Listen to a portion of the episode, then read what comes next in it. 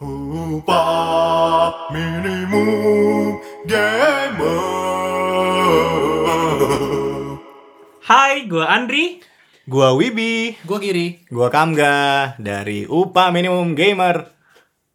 Nih, gua tadi gue sempet nanya sih sama lu. Gue tuh, Hmm. gue kayak baru nemuin kayak genre favorit gua apa. Kayaknya ya gitu. Ah, gue tebak dulu ah. Eh, apa RPG biasanya sih?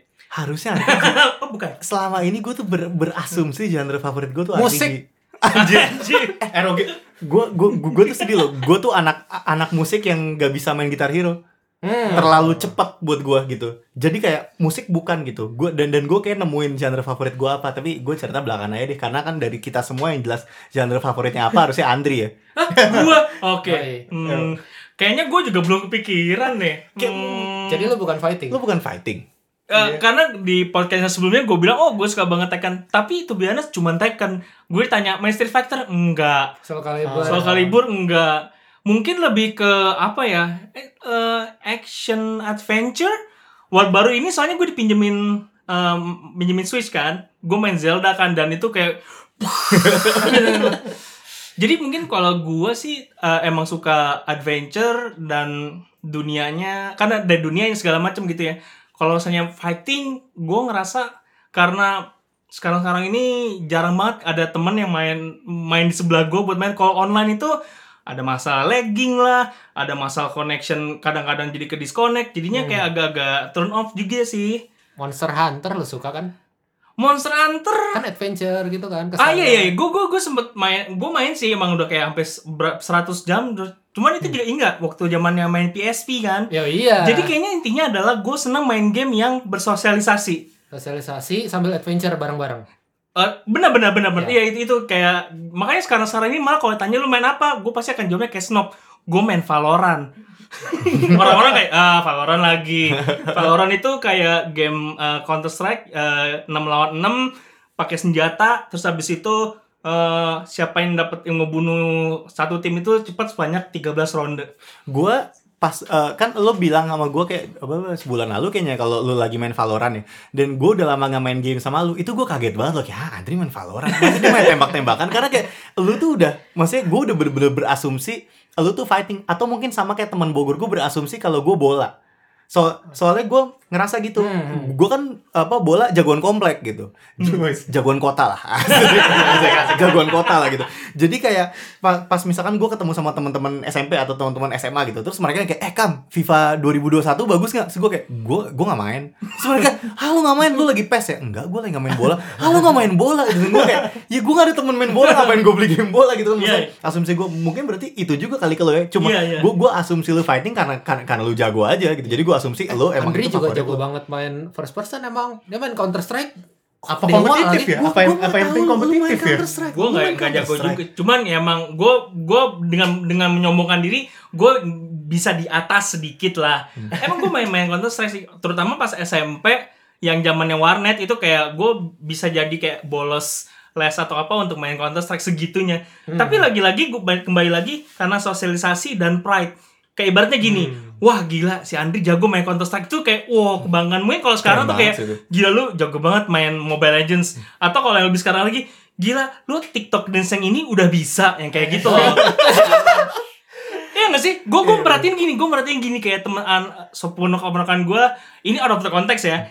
Kayak TikTok itu yang challenge yang nine nari itu kenapa sih orang Indonesia banyak banget? Karena, itu game. adalah itu game. karena itu menurut mereka itu adalah sebuah game karena ada challenge di mana Yes. ketika lu bisa menyelesaikan hal tersebut lu mempunyai suatu Bragging achievement rights. dan lu mendapatkan banyak pujian itu yang gue rasa kenapa gue main Counter Strike sampai latihan pakai aim aim training lah pakai segala macam itu dan itu juga salah satu kenapa gue main Tekken zaman dulu karena orang-orang pada main Tekken kan itu Iya iya iya. Oh. kurang lebih sih gitu Kompetitif sih kompetitif. jadi jadi mungkin kompetitif kali ya gue Kompetitif. Gila, gue gue tapi agak nggak bisa terima sih lo maksudnya lo jago main fighting tapi jago first person kayak gue gue jarang tuh ketemu yang gitu biasanya orang jago kursor atau dia jago jago mukul gitu Eh, tapi kayaknya itu konsepnya sama deh kayak Masa main sih? fighting sama uh, main game-game kayak first person shooting semua reaction kan. Iya, Twitch reflex ya itu Ah, kan. Twitch reflex gitu kan. Jadi menurut gue itu sangat masuk akal sih. Iya, iya, Hmm. iya. Gue gue soalnya selalu, selalu selalu berasumsi gitu kalau fighting tuh lo kayak tangan lu jago ngafalin combo kalau kalau ka- ka- kalau first person tuh lu jago ngelempar mouse gitu ya. iya. Eh, ngelempar mouse gitu. Tapi Iya sih, kalau menurut gue bener sih, gue setuju dengan Giri. Jadi emang lebih ke kalau misalnya fighting itu kan yang waktu itu gue sempat cerita kayak gue langsung berasumsi main, karena dulu gue juga main eh, main PS dua yang, yang di zaman PS 1 karena teman-teman SMP gue kayak pulang sekolah ayo selain main Counter Strike main ngadu main PS ayo ayo dan gue juga bangga gue gue bisa ngalahin lo semua jadi ibaratnya intinya adalah lebih ke prediction lebih ke apa namanya eh, ya prediction sih dan reflex makanya gue eh, apa senang dengan ya berarti jangan-jangan kompetitif kali Kompetitif sih, ya. iya. Oke, Asa- jadi semua. jadi gue punya teman jago Fortnite. Terus tengil gitu, dari kalahin dari. Lo, lo, jadi assassin gitu. Dan oke. for, for the record, gue nggak sejago itu ya, gue nggak sejago itu. Cuman maksud gue, gue above average level gitu sih. Dan kebetulan mungkin lawannya yang emang below the average atau cuma casual aja gitu. Tapi lo kalau single player gitu berarti nikmatin nggak? Eh gue nikmatin, cuman gue punya lifespan yang pendek banget untuk Oke. nikmatinnya.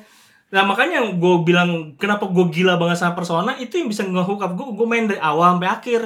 Itu sih ya karena Walaupun gak Waifu. kompetitif gitu. walaupun gak sebenarnya. kompetitif. So kompetitif or waifu? Kompetitif or waifu. Iya, and, and waifu. kalau kalau dilihat-lihat nih ya, gue gue namatin itu, terus gue namatin ini juga eh, apa namanya The Witcher kan juga nggak salah bisa pilih si. Yennefer atau si Oh, itu. iya. Mass Effect lu bisa pilih sama siapa. Western waifu. Iya, nah, selain WoW itu juga kompetitif. Gue namatin Dark Souls, gue namatin Sekiro, itu kan pride sendiri kayak Iya, Bray. Ah, susah. iya, gue iya, udah iya. tamat. Jadi lebih kayak Iya, iya. lebih ke set up achievement yang bisa Ah. dirasa kayak gue langsung kayak gue tuh lebih jago eh gitu, gitu deh. Sekiro gampang buat lo. Sekiro lebih gampang daripada Dark Souls. Oke. Oh. Lebih lebih gampang. Iya, Gue gue iya gue gue tuh selalu berharap orang-orang kayak lu tuh kayak bikin YouTube tuh gak sih lu? Cuma buat ngasih lihat aja lu mainnya Iya. gimana, lewatin level gimana. Karena harusnya menarik. Lo apa? Eh, lu sih horror ya Wibi ya? Yoi, yoi. Ya, nggak apa-apa itu. Horor ya. Gue lewat-lewat. sorry ya guys, sorry ya guys. Gue gue bikin vibe jadi lebih jelek gitu, jadi negatif.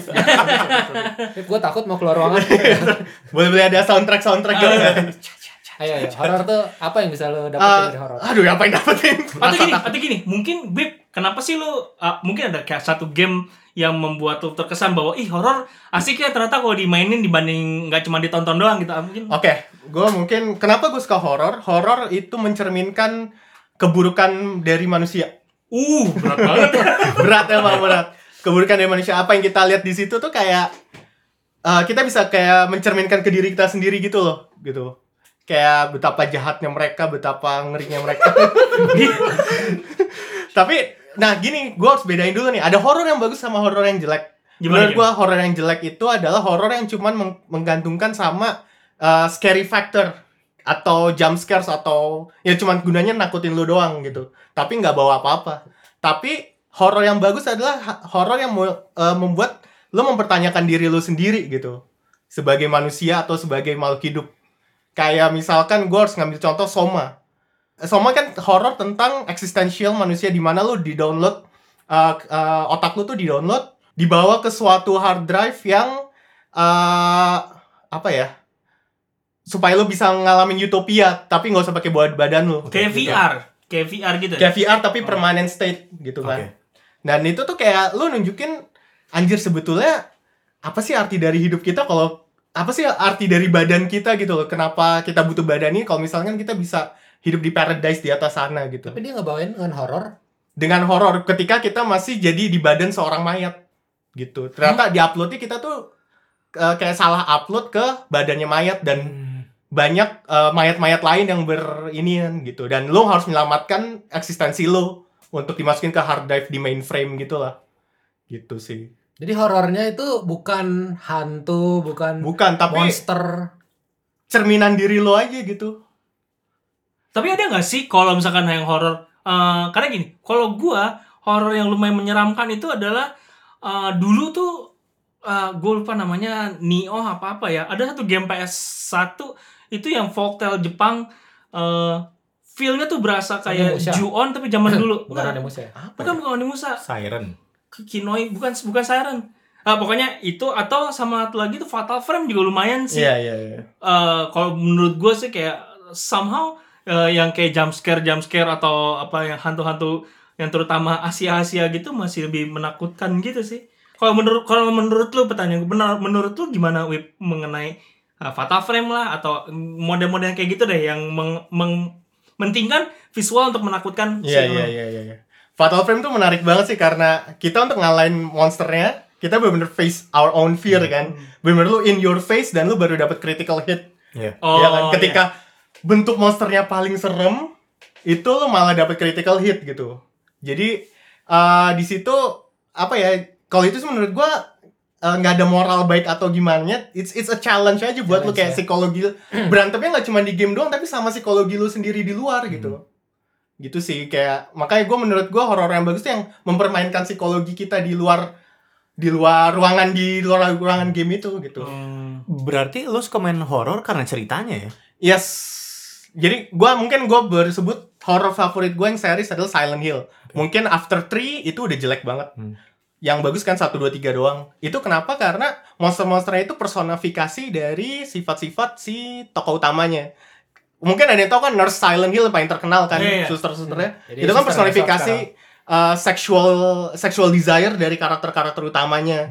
Dan Oh. itu tuh dijelasin di cerita bahwa misalnya di Silent Hill 2 buat tokoh utamanya itu uh, melakukan pelecehan seksual sebetulnya. Oh ya? ada si pyramid pyramid head kan pyramid Ah. headnya tuh kayak yang melecehkan si suster-susternya nah itu tuh personifikasi kejahatannya si tokoh utama kita itu gitu. di ceritanya pas di story-nya atau dari notes atau apa? Maksudnya itu gua- lebih kayak Easter egg-nya gitu loh kayak kalau lu teliti secara garis besar it's a story about himself gitu Oh. ada karakter yang kursi apa ada manusia diikat di tempat tidur itu tuh cerita tentang ken- gimana dia uh, menutup dirinya sendiri Oh. gitu loh nggak nggak terbuka jadi emang benar personifikasi dari si psikologi tokoh utamanya itu sih menurut gue menarik Kalau Bloodborne termasuk horor nggak buat lo? ah Bloodborne gue nyebutnya gothic sih Hmm. Mungkin- Gimana? karena karena dari uniformnya dari ya uniformnya dan mungkin lebih kayak iya kalau gitu lebih ke stylize-nya gitu loh, lebih Oh. kerennya tapi kan pada akhirnya dia tuh adventures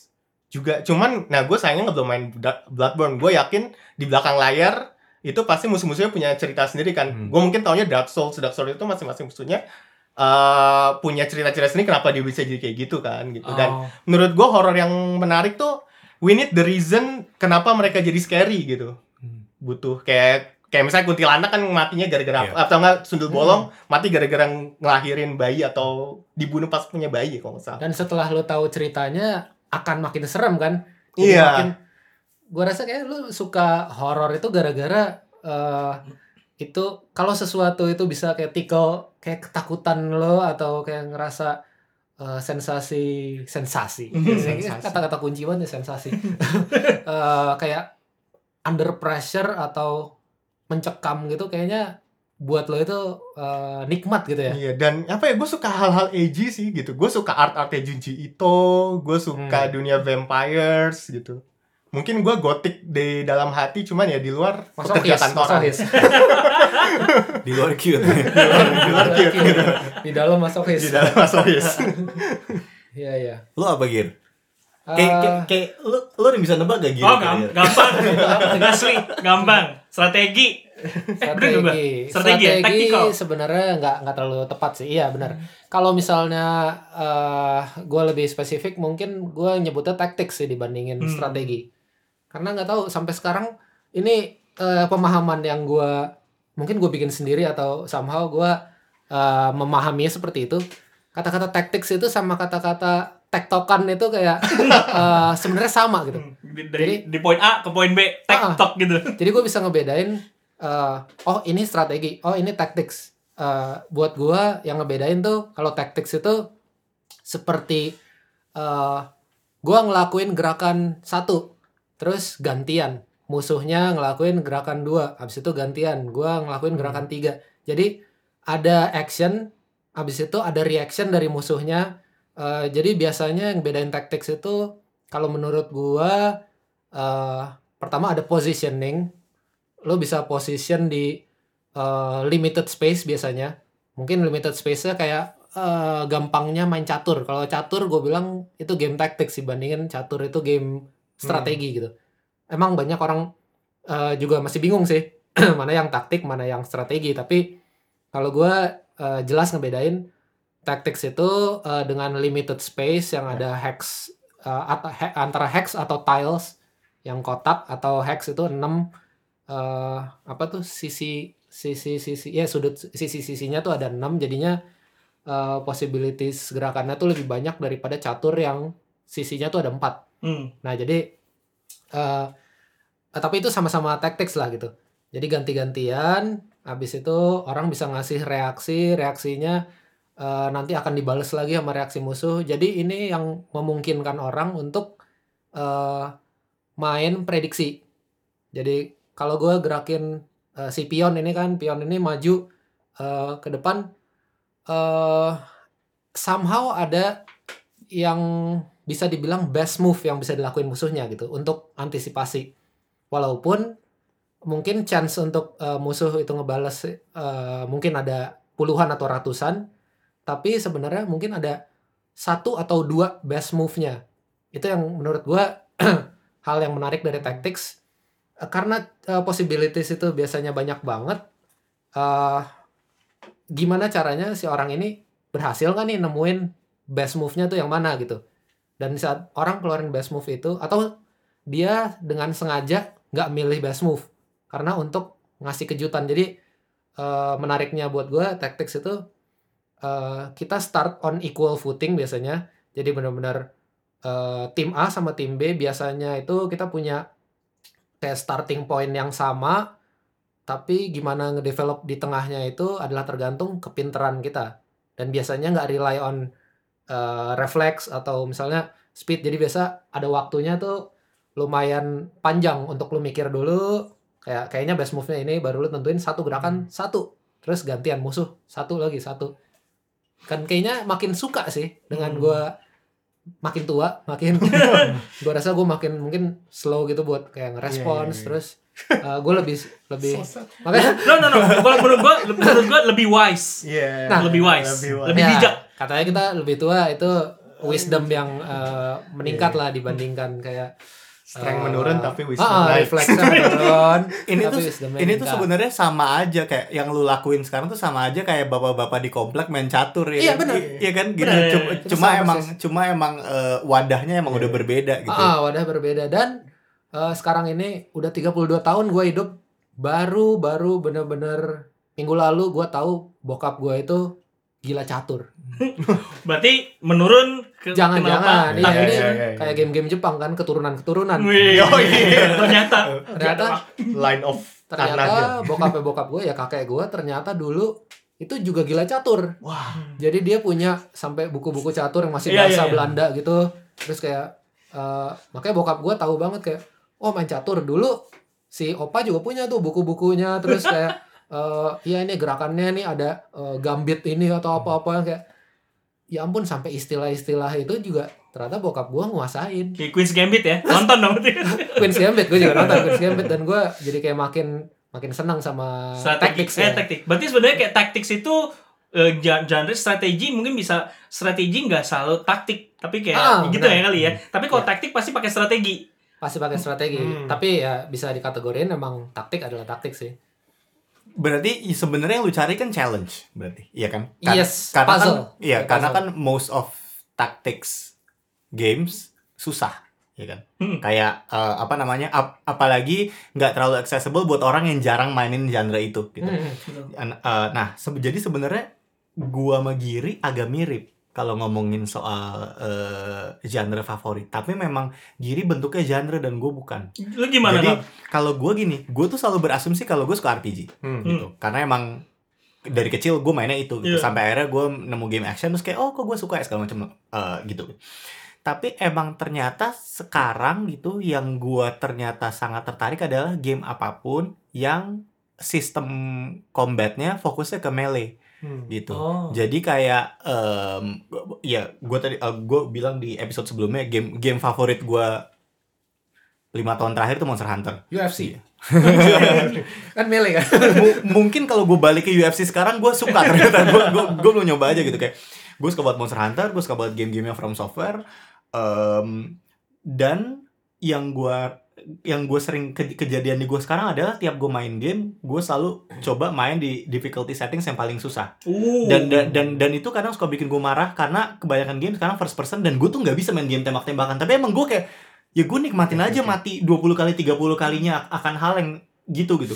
Jadi kayak ketika gue berpikir yang gue suka dari game adalah ceritanya ternyata Hmm. yang gue suka dari game adalah cerita yang gue punya sendiri kayak misalnya Hmm. contoh gitu kayak gue inget banget ketika gue main Monster Hunter sama temen-temen terus kita udah mati dua kali tapi sinergi gantenya masih kuat terus Mhm. gitu tapi kita harus nyari horns terus eh, apa namanya terus gue pakai apa sih senjatanya yang pakai shield sama pakai Iya, ini? sword and shield. Yang- eh, bukan, Sorry, Charge Blade. Charge Blade. Iya. terus gue pakai charge blade terus gue gue pakai serangan dia yang paling lambat yang gabung Oh, semua iya, iya, gitu iya. energi gantinya nyerang ke arah kita tapi gue udah kepalang mencet dan dan gak bisa di cancel kan terus kita teriak ah kita teriak semua tiba-tiba Pas. pas kena terus dia mati dan Uh. dan, dan, dan itu kayak itu kayak gue nggak akan lupa selama Ya. 10 tahun ke depan gitu Betul. kayak kejadian itu gitu Iya.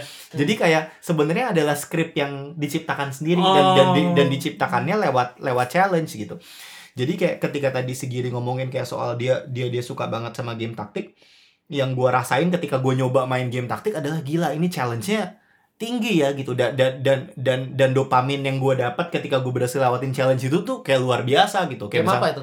Kayak gue terakhir main Wasteland Wasteland 3 eh, apa terus gue nggak ngerti sama sekali apa lu inget kan yang gue bulan lalu gue nanya sama lu kayak Gir emang kalau game tuh kalau game-game kayak gini kalau misal gue pakai senjata terus gue di depan muka dia kok masih tetap bisa nggak kena? Sih gitu kayak gue nggak masuk logika gue gitu gara-gara emang ini biasa main game yang normal kan gitu kan. Tapi ketika lu ngerti cara kerjanya kayak apa dan lu berhasil lewatin si obstacles itu emang ke, dopaminnya tuh tinggi banget gitu. Hmm. Mungkin dopamin yang gue rasain lewatin obstacles itu sama ke dopamin yang lu rasain ketika lu menang Iya. main Valorant Iya, gitu. Iya, iya, iya, betul betul. Berarti emang ujungnya sebenarnya sih uh, cara kita ngasihin dopamin ya beda-beda itu walaupun Iya, iya, iya. kayak Wibi kan ketika Wibi mau kalau lu gue menganggapnya ketika lu tahu tentang uh, mungkin kayak lebih ke backgroundnya terus habis itu lu lebih paham betul Iya. kan di episode awal nggak salah lu sempat cerita kayak lu tuh seneng dengan the story behind jadi ketika lu mendapatkan pengalaman itu dan lu kayak uh, Yes. mind blown dulunya kayak wah dopaminnya tuh di situ kalau gue lebih kayak wah gue berhasil uh, achieve sesuatu gue berhasil menangin sesuatu dopamin gue di kayak gitu-gitu iya. sih mungkin Iya, ya iya bener-bener. Gue gue gue gue ngerasa gue suka banget story ya kayak kalau misalkan orang ngomong kayak eh Gil, kamu lu game terakhir yang lu suka apa pokoknya top 3 gue pasti gue nyebut Death Stranding di tahun ini karena emang gue baru main di di, di tahun ini. Terus kayak teman gue bilang emang ceritanya tentang apa? Sih gue kayak gue gak ngerti. Gue gak masih kayak masih kayak gue gue Iya, iya, iya. gue nikmatin ceritanya tapi bukan itu yang penting buat gue Yes, gitu. Yang penting yes. adalah pengalaman gue nganter barangnya dan apa yang terjadi di saat itu gitu. Kayak cerita yang gue punya sendiri gitu. Oh, oke. itu itu bisa lo maksud gua gini, gua gua cuma nonton baru nonton temen gua main Death Stranding dan gua melihat kayak karena gua ngeliat mas pintas-pintas doang kayak apa sih lu Gojek lu Grab oh, nggak pengen bro.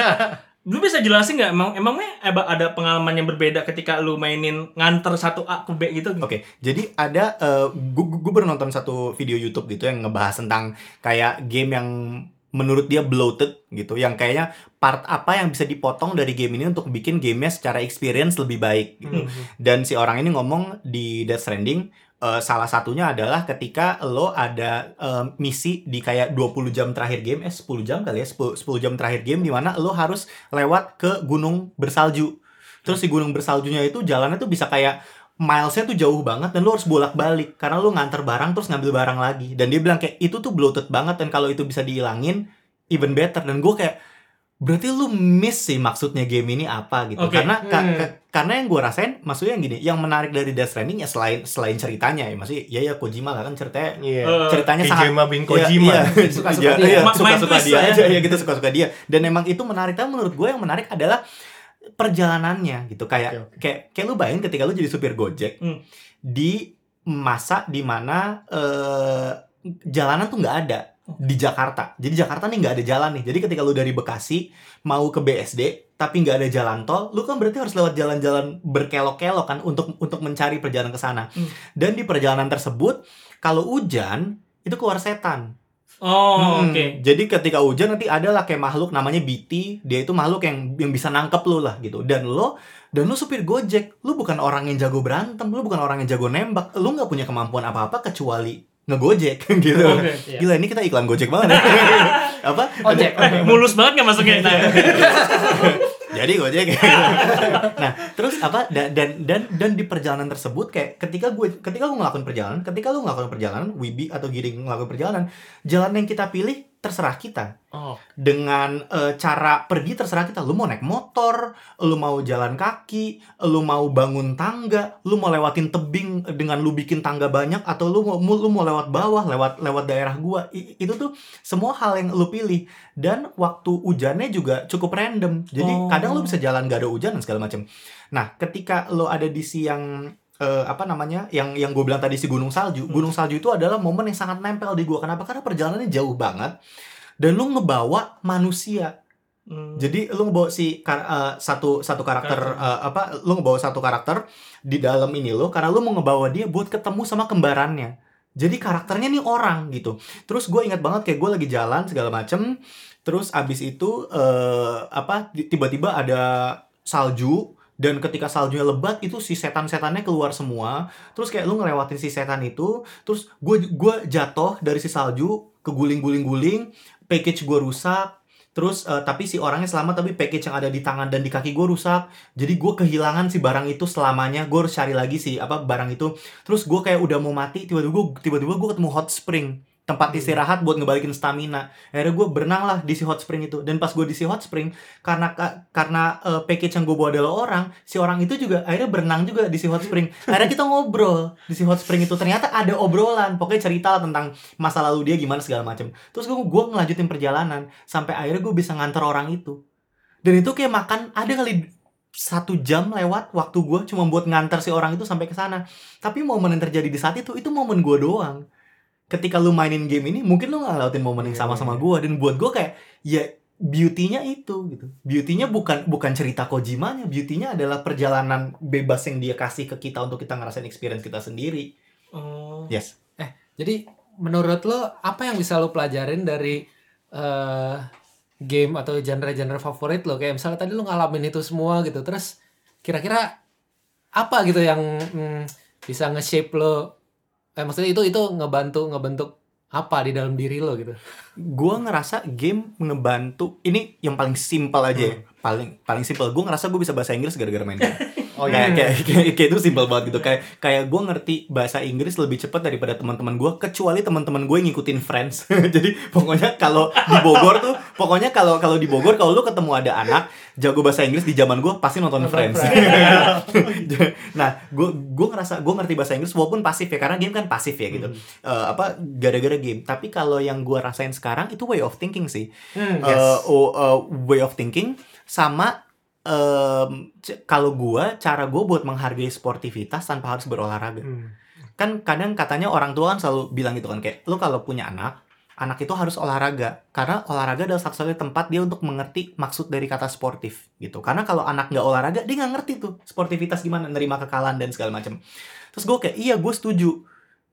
Eh tapi anak lu juga bisa dapetin tuh dari game from software gitu yes, yes. Maksudnya kayak untuk namatin game ini lu cuman harus sportif udah gitu ketika lu sportif dan lu terus buat maju untuk pengen mengalahkan rasa menyerah dari diri lu sendiri maka lu akan dapetin satu sa- satu pelajaran yang yang sangat berguna gitu. Itu sih yang Mhm. yang gue rasain. Dan da- dan mungkin itu juga alasan kenapa gue senang challenge gitu. Kenapa gue maksudnya kayak gue bukan orang yang jago main game gitu. Gue jauh dari orang yang jago main game. Tapi kayak gue main on hardest difficulty itu cuman karena kayak ya gue mau buktiin ke diri gue sendiri aja kalau gue bisa untuk nggak nyerah. Udah itu aja gitu Eh, kalau gue, apalagi misalkan mungkin pada nggak percaya gitu dari horor tuh nggak ada yang bisa diambil bagusnya, tapi yang gue pelajarin adalah ya itu raise your empathy sih lebih tinggi gitu.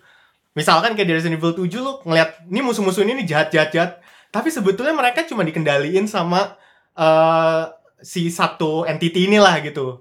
Padahal mereka mau bantu, tapi ternyata mereka dikerjain gitu. Hmm. Jadi eh sebetulnya kayak kalau kayak istilahnya kalau ketemu orang ya don't judge book by its cover gitu. Even monster gitu. Iya. Apalagi sekarang itu lagi ini kan lagi hype banget si masalah The, The Witch-nya si Anna Hathaway karena em, portray eh, orang cacat disable sebagai penjahat terus gitu.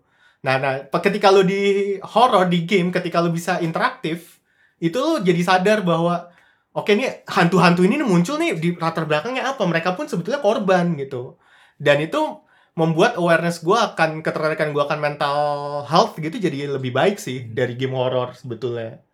Gitu. Jadi kayak kalau kita ketemu sama orang baru gitu, kita mungkin nggak tahu kalau dia sebenarnya hantu gitu ya. iya.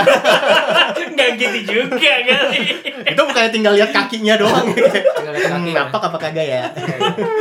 Kalau Eh, Kalau kalau gua gua sih lebih ke yang paling selalu gue ingat ketika gua mengalami challenge wah, mungkin dari eh, sisi kerjaan ya kadang-kadang suka di challenge kayak membuat sesuatu yang mungkin agak susah.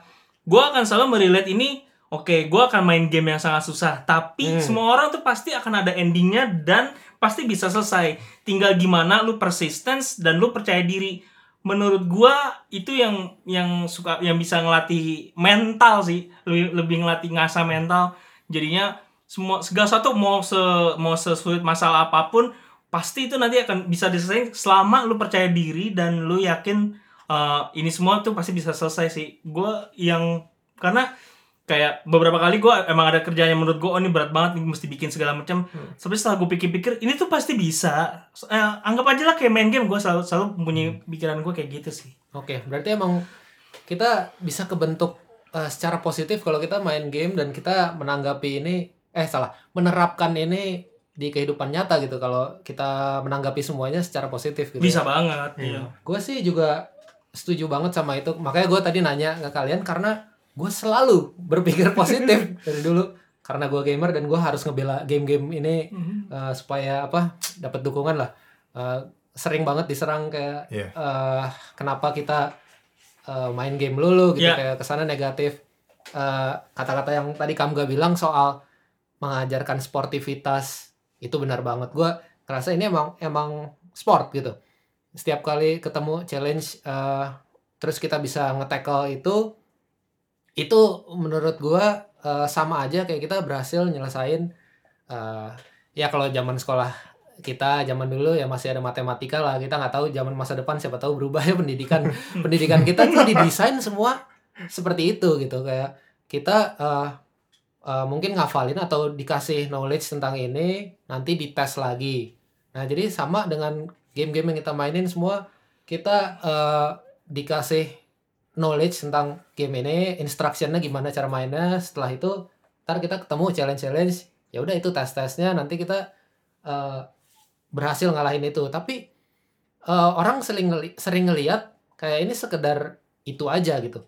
Eh, dan gak berguna. Sementara kalau kita kayak ngomongin eh, IPA gitu, ilmu pengetahuan alam, biologi, kimia, eh, ke sana lo akan eh, sangat berguna karena lo udah ngafalin misalnya CO2 itu partikelnya kayak apa dan seberapa kepadatannya gitu. Terus pas dites lu bisa ngelakuin apa ngejawab dengan benar terus dapat nilai bagus terus orang tua bangga kayak yes anak gua eh, jago kimia terus pas dia gede dia bukan jadi ahli kimia terus Hmm. terus apa gitu Hmm. sama aja kayak kita gua tahu banget dunia di Dungeons and Dragons misalnya eh, ada macam-macam realms macam-macam eh, kerajaan orang-orang apa terus pas gua eh, ada pertanyaan tentang pengetahuan itu gue bisa jawab itu dengan lancar gitu terus apa sama aja jadi emang Iya, iya. sebenarnya semua hal ini menurut gua eh, gua selalu nge-treat eh, semua ini kayak sport eh, for the mind sih Sports, iya. waktu matematika dulu eh waktu masih Waktu masih SMA sekolah ya. SMA waktu masih sekolah itu ada pelajaran matematika gue nanya sama gurunya pak ngapain sih eh, kita belajar capek-capek eh, kayak turunan Iya, iya. eh apa sih zaman itu gue sampai lupa kan sekarang baca baca formula-formula Oh, matematika formula itu. aneh-aneh kayak eh, algoritma eh apa Eh, bukan algoritma logaritma apa apa yang gitu-gitu yang ini rumit banget terus saya yakin saya nggak bakal make ilmu ini di eh, di dunia nyata nanti di saat kerja. Apalagi saya nggak interest soal kayak gini. Terus dia ketawa doang gitu kayak ah kayak eh, ya memang nggak ada gunanya kalau kamu mikir kayak gitu. Ya ini emang cuma kayak latihan aja gitu. Kayak Challenge. tes tes aja gitu. Jadi emang kamu latihan kayak otak aja. Terus gua kayak diem. Masuk Damn. sih. Hmm. iya sih. Ya udahlah. Gue emang gue mungkin salah kayak eh, awalnya nge-approach gue sekolah itu eh, seperti kayak gue akan dapat ilmu-ilmu yang uh, berguna banget untuk hidup gue memang ada kalau kita pikir gitu. Terus ternyata uh, sebagian besar emang nggak kepake ternyata ilmunya. Hmm, hmm. terus uh, yang gue pelajarin dari situ adalah uh, sport for the mind. Jadi gue selalu kayak belajar uh, nilai-nilai yang lain padahal belajarnya soal apa gitu. Ya nilai-nilai kehidupan nilai-nilai kayak mengerti uh, perasaan uh, pas lo nge-tackle sesuatu bangga itu kayak apa terus kayak uh, ngerasa uh, demoralize sama uh, ngelihat nilai jelek sendiri. Itu Yeah. pelajaran semua. Itu itu bisa dinikmatin gitu setelah gua uh, looking back lagi gitu. Jadi sama aja kayak lo main game ilmu-ilmu yang lo dapetin dari game itu buat apa? Mungkin kayak nggak nggak berguna dalam kehidupan. Tapi gue yakin lo ngerasain sesuatu yang beda gitu. Sesuatu yang uh, unik uh, lo rasain kayak misalnya achievement di saat lo uh, menangin sesuatu atau mungkin game-game itu ngasih uh, achievement yang memang sangat uh, susah unik gitu terus setelah itu selesai perasaan itu akan uh, akan ketanam perasaan fulfilled itu aja sih menurut gue yang uh, penting dari uh, main game Iya sih. Eh, sama mungkin gue mau nambahin juga sih. Oh, buat yang ini terutama kalau teman-teman sering main online itu adalah masalah toxic city sih. Menurut gue ketika lo sudah main eh, online pasti akan ketemu lah sama beberapa orang yang toxic yang kayak nganggap remeh lu lah, ngata-ngatain lu, lu mainnya jelek. Ah lu jelek bego keluar aja kayak gitu-gitu. Maksud gue di situ juga sebenarnya bisa diambil pelajaran bahwa dunia itu kerjanya kurang lebih seperti itu. Jadi eh, menurut gue Jadi nggak apa. jadi nggak maksud gua maksud gua gimana lu harus Iya. me- merespon itu apa lu harus membalik apa lu diemin jadi eh, dengan begitu membuat mental Iya. jadi lebih kuat sih jadi Iya. karena suatu saat juga pasti akan ada orang yang ngeremehin kerjaan lu lah ada yang ngeremehin keputusan lu Iya, iya. tapi gimana kita ngeresponnya itu ya kayak ya udah kalau gitu gua memang mesti latihan lagi oke gua mesti mungkin perbanyak apa lagi jadi nggak semuanya jelek sih Ya, dan satu lagi gue lupa eh, orang-orang yang udah terbiasa eh, nyobain segala macam kesusahan di game-game itu eh, dibandingkan orang yang nggak pernah kayak berusaha nyemplung ke challenge-challenge atau hal-hal yang ngebikin mereka lebih susah itu biasanya eh, nggak akan se nggak akan se kok hebat? Bukan hebat sekuat itu untuk nggak akan sekuat itu untuk kayak em, merasakan eh, hal itu di dunia nyata gitu. Misalnya gue udah terbiasa nih dimaki-maki di Hmm, eh, jadi game lebih online. siap lah mentalnya Lebih siap. gitu kan maksud lu. jadi banyak banget eh, pelajaran dengan lu sering latihan lu sering latihan eh, mengalami situasi-situasi dan perasaan itu eh, di saat satu game jadinya di saat dunia nyata lu lebih siap gitu Intinya sih menurut gua ya game itu benar-benar ngajarin bahwa uh, lo ketika di dalam environment game your enemy itu sebenarnya environment dan itu tuh nggak bisa lo kontrol gitu kan. Yang lo kontrol cuma bisa behavior lo sendiri gitu. Lo nggak bisa mengharapkan orang baik sama lo, tapi lo bisa ya lo jadi wise aja gimana menghadapi orang kayak mereka. Apakah mau jadi nurunin level kayak mereka atau enggak gitu. Dan game kita yang megang kontrol kan. Dan itu adalah pelatihan yang utama yang menurut gue sih gitu. Ya. kontrolnya benar-benar literal joystick sama keyboard lagi. Yes. Eh, mu- mungkin kalau kalau gue yang gue yang yang selalu jadi pegangan gue adalah game itu escapism. Dan tidak lebih dari itu gitu. Oh, Jadi Hmm. kayak apakah gue bilang wah game penting banget harus selamatin? Enggak, enggak juga. Tapi eh apa namanya? Dari segala macam escapism yang lu bisa pilih, menurut gue game tuh at least top 3 lah gitu. Karena karena eh, memang experience lo nggak bisa dapetin kayak dari nonton film atau dari dengerin musik gitu karena interaktif gitu. Hmm. Lo yang lo yang ngerasain itu. Ma- m- makanya mungkin horor emang yang paling yang paling masuk akal dirasain dari horor tuh ya dari main game sih karena kan ketika lu nonton film yang dikejar si cewek itu Yes. kan tapi ketika di game kan lu yang dikejar Iya, kan gitu iya. kan jadi kayak Iya, mungkin iya. sense apa itunya lebih lebih tinggi makanya kayak gue memang selalu tidak bisa setuju ketika dibilang kalau game itu alasan eh, violence jadi lebih tinggi atau al- eh, alasan bullying jadi lebih tinggi gue nggak setuju karena em, menurut gua yang namanya escapism emang tugasnya buat itu gitu karena lu nggak mau ngelakuin violence di dunia nyata makanya lu main GTA gitu Yes. loh. karena lu nggak mau karena lo nggak mau jadi pervert di dunia nyata makanya lu makanya lu main yakuza gitu kayak kayak, Iya, kayak, iya, iya, iya. kayak lo lo lari untuk ngelakuin hal yang yang lu tidak bisa dan lu tidak mau lakuin di apa dunia nyata.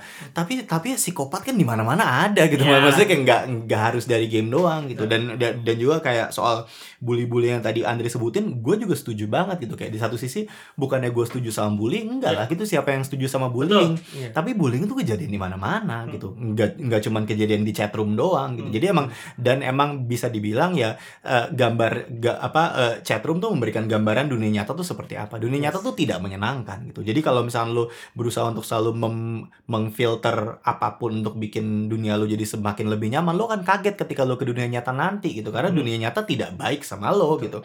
Jadi emang itu ya tempat yang bagus buat eh, lo belajar. Dan sekali lagi kata Wibi juga bener lu yang pegang kontrolnya. Kenapa? Karena kalau lu udah nggak kuat lu cabut aja gitu. Iya. lu bisa matiin lu bisa nggak peduliin lu bisa lu bisa disable eh apa namanya conversation. Bisa kan ya? Bisa- gue sotoy banget mute, itu mute. padahal gue nggak pernah main. Padahal gue nggak pernah Bisa, main. iya. lu bisa lu Iya. lu bisa nge-mute segala macam gitu. Dan kalau misalnya lu udah capek eh, kayak game kompetitif kepada gitu-gitu makanya main Monster Hunter aja. Ada juga eh, satu hal yang menurut gue ini penting banget Ja- oh penting banget nggak penting. Ini bisa ngebantu eh, orang-orang eh tadi lu nyebutin soal game itu lu bisa belajar gitu. Iya. jadi belajar ini eh, bisa langsung direct loh. Misalnya lu eh, mainin game eh, city building. Eh, misalnya apa eh, city skylines yang menurut gue itu eh, keren banget. Kayak kita bikin eh, kita Tata jadi kota gitu ya. tata kota. Dan eh gua gua nggak nggak belajar tata kota ya. Cuma eh, gua jadi belajar banyak soal tata kota itu eh, dari main City Skylines Eh, dan gue sangat rekomen untuk orang-orang misalnya mau belajar tata kota atau misalnya nantinya pengen jadi gubernur gitu atau, atau mungkin yang lebih besar lagi gitu. itu please deh kalian tuh belajar deh eh, dari game ya ya City Skylines Cobain misalnya. lah, cobain. cobain itu eh, bisa banget eh, ngesimulasiin dan cukup real dengan detail kayak misalnya jalanan ini eh, karena ada komersial district di sekitar sini itu benar-benar kita harus bangun jalanannya gimana caranya supaya misalnya nggak macet. Nggak boleh misalnya kasih lampu merah di sini atau gimana. Atau misalnya kita bikin daerah yang eh, memang mm, untuk rekreasi gitu. Kita harus ngelihat eh, semua di sekitar situ mendukung nggak untuk eh, bisa rekreasi. Dan karena game ini sebenarnya nggak terlalu ngajarin ya gimana seharusnya kita eh, ber apa berkreasi dengan eh, kota kita gitu. Tapi kita eh, memang sangat di sangat didukung untuk bereksperimen. Terus kita ngelihat growth-nya kayak apa. Dan benar-benar kita bisa ngelihat per kayak orang-orang kayak jalan ke mana. Terus eh, habitnya orang-orang di kota itu. Dan ini menurut gue eh, sangat kebantu gitu. Apalagi kayak misalnya orang mau jadi pilot gitu. Atau pebalap gitu.